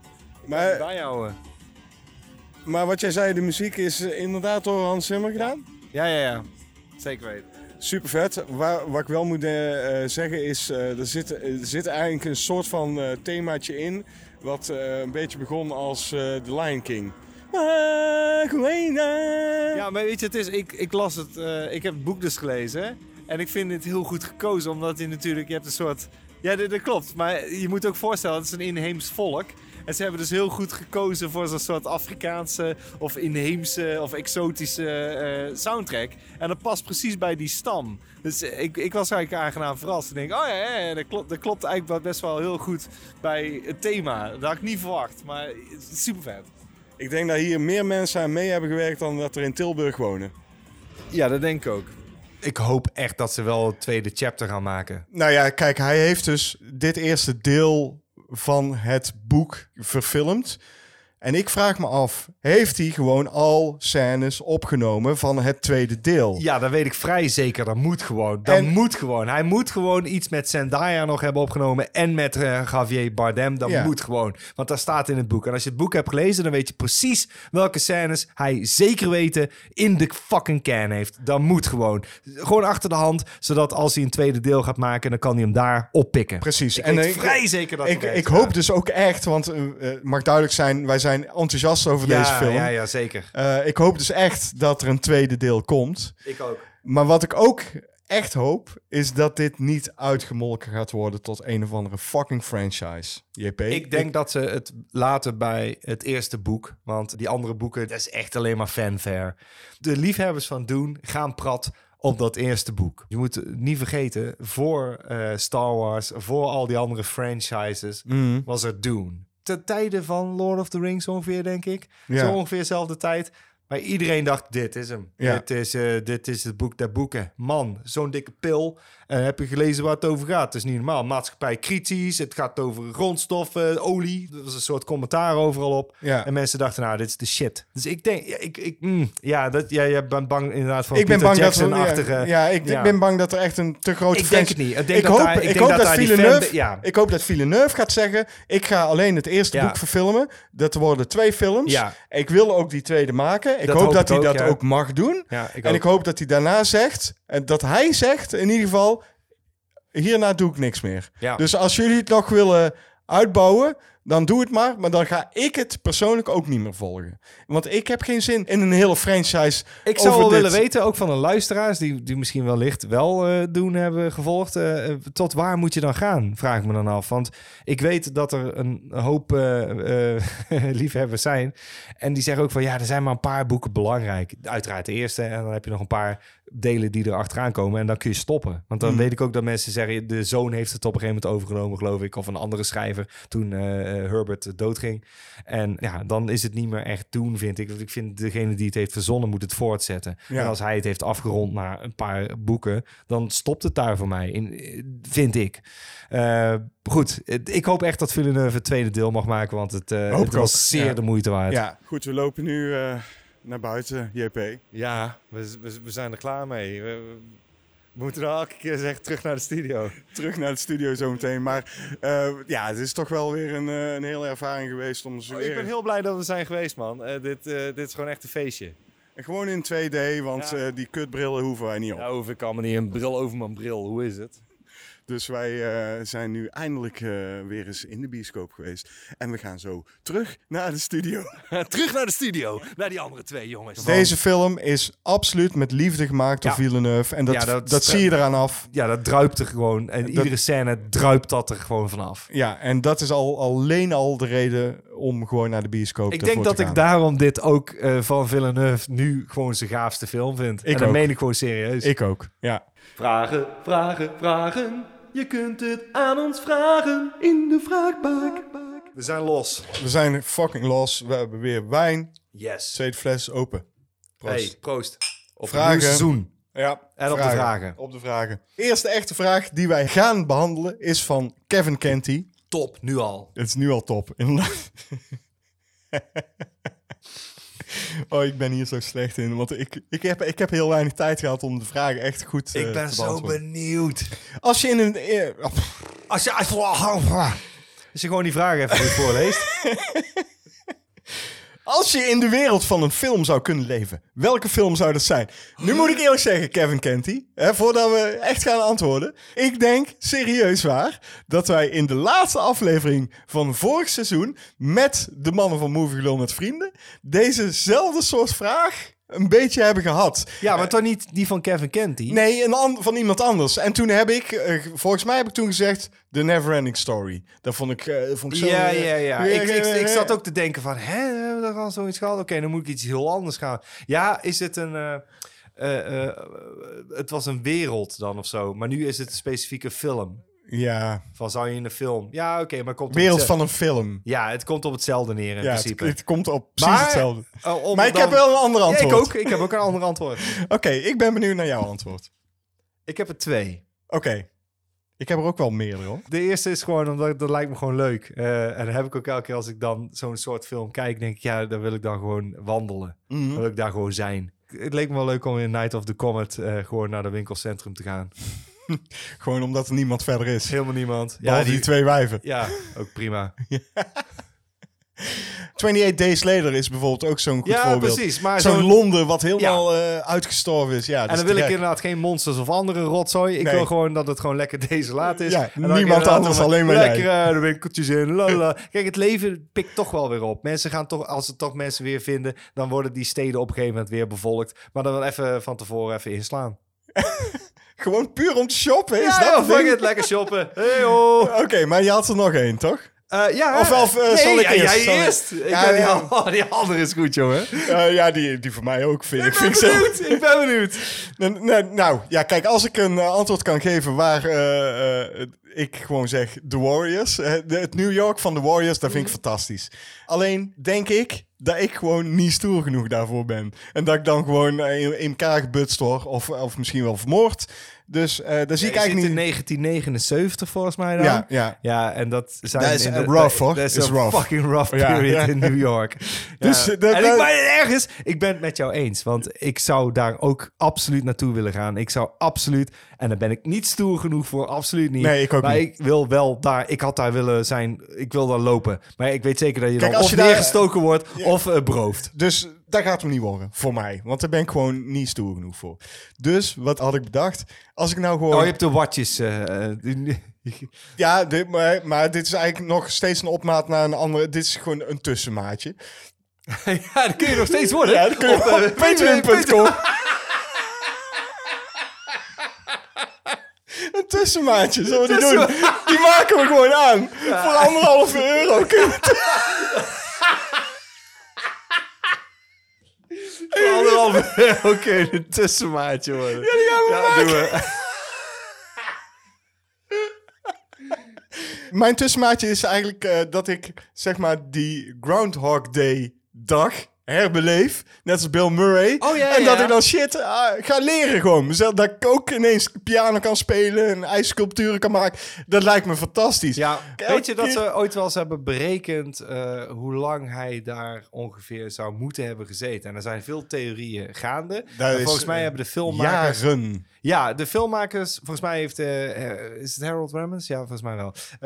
Die heeft ooit toegegeven dat het ongeveer 30 jaar is. Oh my fucking god. Ja. Ja. daar zou ik ook wel gek van worden. Dus Ja. ik heb toch een antwoord. Maar wat is jouw uiteindelijke antwoord? Ik wil eh, naar Spring Break... eh, Natuurlijk. en dan gewoon 1982. Ja. En dan wil ik daar gewoon eh, feesten met die Party. gasten. Ja. Ik wil meegaan met die gasten. Ik wil naar die, eh, die feestjes. Mhm. Ja, Ja, dat snap ik. Nee, een paar ja, jaartjes eraf. Ook voor mezelf. En dan, want anders, val, anders is het raar. maar ik wil wel naar die plek. Eh, mijn uiteindelijke antwoord is Back to the Future 2. Want je hebt hoverboards, zelfstrikkende Nike's, Ja. te gek. Eh, vliegende auto's. Ja. Dat is allemaal te gek gewoon. Dat is allemaal te gek. Maar bovenal Jaws. 19. Jaws 19. Die wil ik graag zien gewoon. Ja, dat wil ik ook zien. ik snap hem. Dus daarom eh, wil ik daar leven. De volgende vraag is van Peter Scheffer, ook een maatje van ons. En die vraagt aan ons: zijn er oude horrorfilms die juist wel een remake zouden mogen krijgen? Volgens jullie? En zo ja, welke dan? Over het algemeen ben ik sowieso niet van de remakes. Dat weet jij, JP. Ja. Dat weet Peter Scheffer ook inmiddels. Mag Ja. ik hopen dat hij dat weet. En dat weten alle andere luisteraars of kijkers van Cinemaatjes net zo goed. Daar zijn wij. Maar Maar. er zijn wel degelijk Nou, ooit wel eens, ook in de filmgeschiedenis, toch goede remakes gemaakt. klopt. En onlangs hebben wij een aantal Cinemaatjes reviews gedaan. En er zijn er echt nog niet zo heel lang geleden twee van geweest. Waarvan wij dachten en misschien zelfs hebben gezegd, van één weet ik het zeker, En van die andere weet ik het ook, want die heb ik net genoemd. is dat er wel degelijk hiervan een remake gemaakt zou kunnen en moeten worden. En dat is Black Roses. En die andere was Night of the Comet. Dat klopt. Ja. Maar ik heb nog, eh, want ik wil best mijn volledige antwoord geven en dan eh, spouw ik het er gewoon zo uit. Er zijn allemaal reviews geweest die wij hebben gedaan. Ja. Chut, Ja. dat kan echt veel beter. Ja. Eh, The Gate vind ik ook. Die, die mag, die, die was toen leuk, Ja. maar die mag best nu een remake krijgen, vind ik. Ja, of een, eh, of een soort prequel eh, of sequel. Ja, gewoon, Maar goede sequel. gewoon nu, weet je wel. En eh The Stuff, daar zit een goed verhaal in. Mhm. En ja, daar was ik toch niet om mee eens. Snap je? Er kan Ja. wel, er kan, er kan wel Ja, een goed verhaal uitkomen. uithalen. En ja, dat zijn dan de remakes die ik zou willen zien. Ik zat eh, vrijwel meteen te denken aan... ja, ik ben nogal sucker voor Tombs of the Blind Dead. Dat, eh, dat verdient een, eh, een uitstekend eh, moody Robert Eggers-achtige remake. Gewoon maak daar maar eens gewoon een hele goede enge horror van, want daar kun je genoeg mee doen. Dus Dat is een franchise die wij misschien nog gaan aanhalen, ja, toch? want dit vind ik cinematisch waardig. Maakt niet uit of we het goed of slecht vinden, dat maakt helemaal niks uit. Daar kun je een hoop uithalen. Maar dat is niet wat ik wilde zeggen, want ik, ik zat meer te denken aan wat ik zelf leuk vind. Ik hou wel van eh, grote gemuteerde eh, beesten, dus ik zat te denken aan Them met de grote mieren. Daar Ja. wil ik al een goede remake van. Ik bedoel, de laatste keer was toch gewoon zwart-wit. Precies. Eh, we hebben gewoon betere special effects, in dit geval echt. Ja. Dan heb ik er nog één, Death Ship. Oh, ja. Oude horrorfilm, ik Ja, denk uit ja. 1980, I guess. Ja, ik Ja, herinner zoiets. me nog wel iets ja, het, zijn mensen die gaan naar een, een schip, eh, of tenminste, die worden eerst geramd door een schip en daarna eindigen ze op dat schip. En daar is nogal van alles loos. Daar kun je een heerlijke, enge eh, spookfilm van maken. Goed sfeervol. Ja. Eh, dat waar de jaren 80 nogal tekort schiet. Daar kun je gewoon nu ruimschoots gewoon gebruik van maken. En daar wel een beter verhaal uitslepen, denk ik. Remake waardig. Ik heb al gekozen voor waarvan ik denk... Ja, die vind ik leuk. Mhm. Maar er zijn niet meteen eh, mijn lievelingetjes. Want dan zou ik het niet eens gedurfd hebben. Want dan, zou, dan, dan, dan denk ik, blijf er vanaf. Hetzelfde als wat jij hebt normaal. Van Ja. als het al werkt, ja, dan ga ik dat niet noemen. Dan kijk ik die film wel. Als ik, want die vind ik toch al leuk. Ik wil degene die potentie hebben. Zo Ja. van, oh, die hebben potentie om nu in een nieuwere setting... eh, betere camerawerk, betere... En, en dan nog, nog kun je het behoorlijk eh, eh, low budget of sec houden. Gewoon, eh, gewoon Ja. een eh, remake van maken. Ja, ja, ja, we moeten gewoon door naar de Ja, volgende, eh, volgende vraag. De volgende vraag is van Levi P. Die gast heb ik ontmoet trouwens in de periode dat wij even niet... eh, ja, Nou. dat was te gek. Hij, ja, nu komt hij naar me toe. Hey, cinemaatjes, ik ben Levi P. Ik zeg, oh, fucking te gek, man. Gast, te gek. Cool. Je bent een maatje van ons en eh, ja, helemaal te gek. Sterker nog, ik heb met hem opgetreden. Wat? Ja, serieus? Wat? Ja, hij, hij zat in eh, een, een bandje. Oh. En eh, ze hadden een, eh, een hele dag georganiseerd bij de Nieuwe Vorst. Dat is een theater hier in Tilburg. Ja? En zij gingen optreden en het tweede gedeelte, de, het was verdeeld in twee gedeeltes, omdat er niet te veel mensen aanwezig mochten zijn vanwege de corona. Dus het tweede gedeelte zeiden ze tegen mij van, ja, waarom doe je niet gewoon mee? Je, bent, je kan toch ook eh, gewoon een instrument spelen? En dan kan ik, eh, iemand anders zei uit, uit de band, zei, dan kan ik trompetten en dan kun jij gewoon gitaren. En toen eh, heb ik dus samen met eh, Levi P. heb ik lopen Oh, wauw. musiceren. Oh, is gek. Ja, ik, Heb, ik heb het geprobeerd. Het ging niet heel goed. de vraag die hij stelt is... ja, of wij mening hebben over Matrix 4 of Matrix Resurrections, volgens mij zoals die gaat heten. Eh, ik heb opgeschreven eh eh, Lana's Gotta Eat. Hoe? Lana is de Wachowski. Oh ja, natuurlijk. Ze heet nu Lana. Ja. Oh my god. Ja, ja. Ik had zoiets van, oh, het geld is op. Weet je, Ja, wel, allemaal ja, ja. mislukkingen gemaakt de afgelopen jaren. Wat was succesvol? Matrix. Nou, dan doen we deel 4. Ik, ik was al meteen zo, weet je wel. Matrix 1, fantastisch. Vind ik een goede film. Ik moet hem misschien nog eens een keer herkijken. Geloof mij, die staat nog steeds Ja. overeind. Ja. Eh, daarna 2 en 3 was ik helemaal niet eens in geïnteresseerd, want ik hou niet van inter- eh, int- eh, ik hou niet van interessant. ik hou niet van ik hou niet van franchises. Ja. Dat heb ik al honderd keer gezegd en ik baal nu dus ook van dat ik Matrix 1 moet zeggen. Nog steeds. Ja, ja, ja. Ik Snap ben, je? Daar heb ik al honderd keer Daar ben ik eh, het serieus helemaal mee eens. Dus. Ze hadden geen deel 2 en deel 3 hoeven te maken. Fuck you. Dat wil niet zeggen dat ik daar niet... Daar zitten scènes in dat ik denk... Ja, ja, ja, dat, is, dat is leuk, dat is leuk. Zeker, zeker tof. Zeker tof. Oh, wauw. Eh, wauw. Oké, cool. Maar op, over de linie, zeg maar, deel 2 en 3, denk ik... ja, Had niet had- hoeven. oh, oh, Oké, als je de beste gedeeltes van 2 en 3 had gecombineerd... en had daar een fantastisch vervolg op gemaakt, dat had gelukt. Maar dan heb je 2 en 3 en dan denk ik... ah, Nou, Alright. er komt er dus nu een, een vierde deel aan. Ja. Er is een eh trailertje verschenen. Wat ik dacht meteen is... Wat doet de fuck John Wick in deze Ja, trailer? ja, ja ik, ik, ik, ik heb zoiets van... eh, nu, nu zit Keanu Reeves natuurlijk in die periode... en denk ik, ja, ik ga mijn baard er niet afhalen. Nee, precies. Ik had zoiets van... Ja, als je dan Neo weer wilt hebben... Ja, maar ze dan... hadden toch net zoals bij eh, Henry Cavill... gewoon zijn, zijn, Nee, ze, ze hadden gewoon... zijn baard eraf kunnen shoppen. ze hadden moeten eisen dat hij eh, voor de Matrix 4 had hij gewoon... Dat- want nu is het gewoon John Wick. Ik Zit Ja. John Wick te kijken. En ik hou van Keanu Reeves hè, als Ja. persoon. En ik had nou eens iets van... het breekt, nu haalt het je uit... Ja, precies. Die, ja, precies. Omdat Ik- hij... Ja, ja, ik, nee, ik, ik, ik denk, wat, wat doet John Wick in, eh, in de Matrix 4? Maar goed, eh, hij heeft het dus eh, dusdanig... eh, John Wick is dusdanig een, een melkkoe voor hem geworden... dat hij gewoon heeft besloten... ja, ik ga dit allemaal niet eraf halen. Ik ben gewoon John Wick. Eh, en als jij per se een Matrix 4 wilt maken, Wachowski... Dan, eh, dan, ben je, dan moet je het maar gewoon hiermee doen. gewoon. watching. Always watching. Ja. Precies. Ja, En, en, en, en, dan, en, en dan kom ik dingen tegen als eh Doogie Howser die erin zit. En Die zit er heel kort in, vast. ik zit er niet op te fucking wachten gewoon. Echt niet. Ik wil hem wel zien. Maar ik moet wel zeggen, kijk de kat nog uit de boom. Ik, ik moet het nog eerst zien dan geloven. Ik wil hem wel zien, maar eh, zat ik erop te wachten? Hij sluit wel mooi aan op de volgende vraag. Oh jee. De volgende vraag is namelijk van Agent on Clocks. En wat Ah, ik ja? denk eh, over de Matrix 4 is, ik denk dat hij eigenlijk heel snel op de streamingdiensten te zien zal zijn. Eh, Agent on Clocks die vraagt aan ons, welke streamingdienst vinden jullie qua filmaanbod momenteel de beste? Nou kan ik eh, van JP al zeggen, die heeft geen streamingdiensten. Nee, ik had heel kort Netflix heb ik gehad. En ik weet eh, wat het aanbod is op Amazon Prime. Er zitten gave dingen bij. Wat mij stoort aan streamingdiensten is dat het aanbod elke keer verandert. Omdat eh, distributeurs kiezen om hun films eraf te halen. Dan weer te verkopen aan een andere streamingdienst. Terwijl ik het idee heb, ik hou juist van het videotheek-idee. Ik, Ja. ik zou het toffer hebben gevonden als Netflix de monopolie had gehad.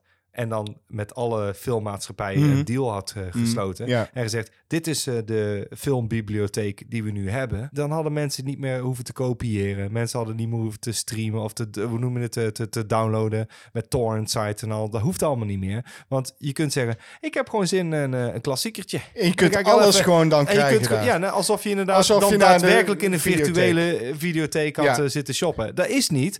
En nu is het probleem dat als jij iets leuk vindt, dan- dan is zo, het is nog maar tien dagen te zien op... eh, ja, maar dan ben ik toevallig eh, net in Griekenland. Of zo, Ja, weet je wel? En dan kom je terug en dan is het eraf gehaald. Dus oké, maar waar had ik nou zin in? Oh, die staat nou op een andere dienst. En dan- je moet elke keer betalen voor zo'n dienst. Dat wil niet zeggen dat ze geen leuke aanbiedingen hebben. Want eh, ik denk dat de interessantste dingen, eh, kort dan, Mhm. eh, Amazon Prime, denk ik. Oké, nou ik heb dus eh, wel Netflix en Amazon Prime. Netflix die komt gewoon vaker met meerdere titels. En er zit soms echt wel wel interessant eh, werk tussen. Ook wat oudere titels, Ja. eh, buitenlandse titels. Soms denk ik, wat moet ik met deze Indiaanse films of Turkse films? Daar zit ik niet op te wachten. Maar er zit soms wel iets tussen. Amazon Prime, die komen wat minder vaak met nieuwe titels. Maar wat het eh, gunstige eh, van Amazon Prime is, is dat je... Je kan gewoon zoeken op Amazon Prime. Staat het er niet op om gratis te kijken, kun je het vaak wel huren. Dat bedoel ik. Oké, dus dat kan dus wel. Dus je hebt altijd een optie om de film die je, waar jij zin in had. Ja. Ah, ik had zo'n zin in die film. Dan kun je hem gewoon wel Oké, aanzwengelen. dat vind ik een plus. En ik denk dat er meerdere streamingdiensten zijn die die echt al ook zoiets hebben. Nogmaals, ik ben niet helemaal in de streamingdiensten. Maar ik hoor dus heel vaak die wisseling van de wacht. Je hebt de film die leuk is en dan halen ze hem eraf. En Dat dan- gebeurt. Dat Ja, gebeurt gewoon nou eenmaal. Natuurlijk, maar natuurlijk, kijk, dat bij Amazon ik. Prime... dat, dat is wel meteen mijn grief. Ja, ja, maar bij, ja, maar dat snap ik. Dat snap ik helemaal. Want wij, wij zijn. In, de, in de tijd van de videotheek opgegroeid. Ja, ja, Eh, zo van, eh, oh, die hebben we niet. Ja, dan hebben ze hem bij de andere videotheek. en als, je hem Ja. niet, als ze hem niet hebben, dan kunnen ze hem wel bestellen. En je zou denken, dan hebben ze hem bij de andere streamingdienst. Maar dat is dus niet helemaal zo. Want ik kan je ook verzekeren dat sommige films zijn absoluut niet te vinden op die streamingdiensten. Omdat die gewoon niet de juiste distributie hebben. Of eh, de distributeur heeft niet die eh, deal met die streamingdienst. En dan zit je met een probleem. Die film die jij dan zo graag wil zien, is dan alleen maar verkrijgbaar op DVD of Blu-ray. En dan moet je, of eh, en dan misschien digitaal te downloaden. Ja. Ja. dan is dat je enige optie. Ja, dus, dus wat Het dat is niet betreft- volmaakt. Het is niet volmaakt voor mij. Nee, Nog. Maar, nee, dat is het niet. Eh, Netflix heeft zijn goede kanten. Prime heeft zijn goede kanten. En eh, wat dat betreft kies ik Prime. Want Prime is gewoon veel goedkoper dan Netflix. Laatste vraag. Ja. Wibbly Wobbly Tarman Fever. Bezitter van eh, vele klassiekers als eh, Blood Diner en eh, waarschijnlijk ook gewoon Dead Spa. Ja, goed. Hij vraagt aan ons wat ons favoriete Nicolas Cage moment is. Makkelijk. Oh, Ik heb er makkelijk. twee. Nou, ik, ik vond het niet makkelijk, want ik weet niet al mijn geheugen. Laat me gewoon in de steek. Wat ik wel weet is, er zijn echt een shitload aan momenten van Nicolas Cage. Bijna in elke film heeft hij wel zo'n moment, toch? Ja. Dus Ja, daarom. Daarom is het ook een goede vraag. Zo, oh, Nicolas Cage moment. Ja, er zijn er genoeg om uit te kiezen. ik ga er gewoon snel drie opnoemen en dan mag jij daarna jouw twee. Je had er twee, hè? Twee. Ja, Ja. gewoon on top of my head. Waar Ja. de twee van denk ik, ah, die- misschien zeg jij bij een van mijn drie... eh, oh ja, die had ik ook. Oh ja, precies. Eh, de headbang scène in zijn priesterkleding eh, bij Face Off... als hij net die bom heeft geplaatst. Dat is absoluut geen die ik heb. maar ik, daar heb ik daarvoor nog dat stomme dansje die er daarvoor doet. Ja, ja, ja. Dat hij zo aankomt. Ja, dat doet de- hij, de- die hele scène is goud. Ja, met, Ja. Die, met, met dat hij bij dat koor ook nog even die, eh, die, Die chickie... ja, ja. ah, is helemaal, heel gek. I love it. Ja, goed. Die had ik al. Eh, de, en die heb jij Ik dus ook. Oké, nou, dan gaan we snel door naar de volgende. De vechtscène in de trailer. Oh, die wilde ik opschrijven. Ik ben blij dat ik het niet heb gedaan, want hadden we gewoon alle twee hetzelfde gehad. Ja, zeker in Racing Arizona. Racing Arizona. Eh, met zijn no- knokkels over het eh, plafond. Ja. dat het plafond is zo laag dat hij, ze nou, haalt zijn hand omhoog en dan schraapt hij met zijn knokkels over het gegranolde plafond. Ja, goed omschreven. Ja, dat vind ik een fantastische Oh man. Oh, Ja, gewoon moest- uithalen, weet je wel. Je wil iemand slaan en dan... Ha! En dan schaapt hij met zijn knokkels over het plafond. Zo fucking goed! Wat een goeie, wat goed verzonnen ook. Ja, En maar dat is Coen Brothers. Die Ja. hebben dat verzonnen. Het is niet echt een, een Nicolas Cage moment, maar hij, hij speelt het wel. En Dat is ja, goed. ik vond het hij, fantastisch. hij verkoopt dat goed. Eh, mijn absoluut nummer één, en dat is waarschijnlijk... Dezelfde. De Is het ook uit Racing Arizona? Nee, Mooi. dan is het niet dezelfde. Mooi. ik heb namelijk wel eentje, want ik wilde die met knokkels doen. En toen heb ik, hem- heb ik hem veranderd in een andere. Oké, goed. Eh, mijn eh, nummer één is een vrij recente film. Mandy. Ja, tuurlijk. Uiteraard. Dat hij in die uit. Ja, ja, ja. toilet helemaal doordraait. Ja. In zijn, Ah!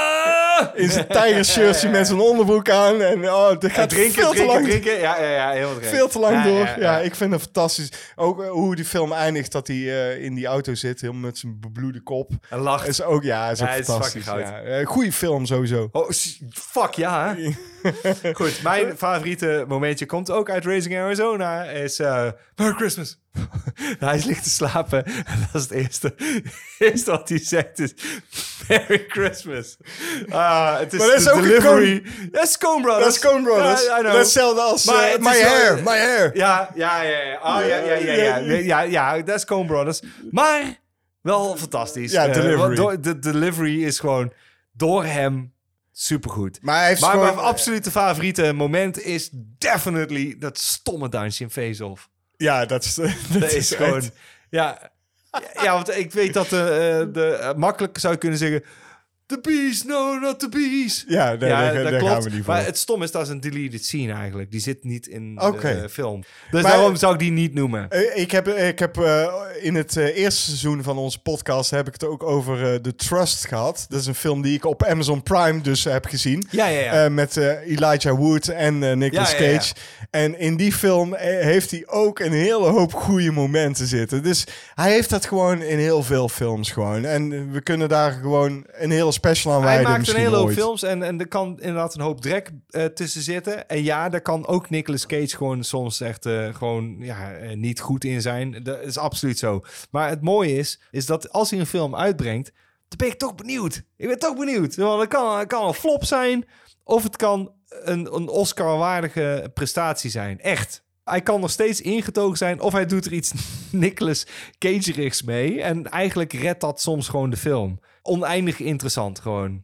JP, ik zei dat dit de laatste vraag was. Ja. Ik doe er stiekem nog één, want op onze Instagram-pagina instagram.com slash cinemaatje013 Ja. heeft Corné Heijboer ook, en hij vraagt eigenlijk niet echt iets, maar hij heeft een, eh, een opmerking geplaatst en hij zegt, doe maar een lekkere lange aflevering dan. Dus bij deze, Corné, adieu.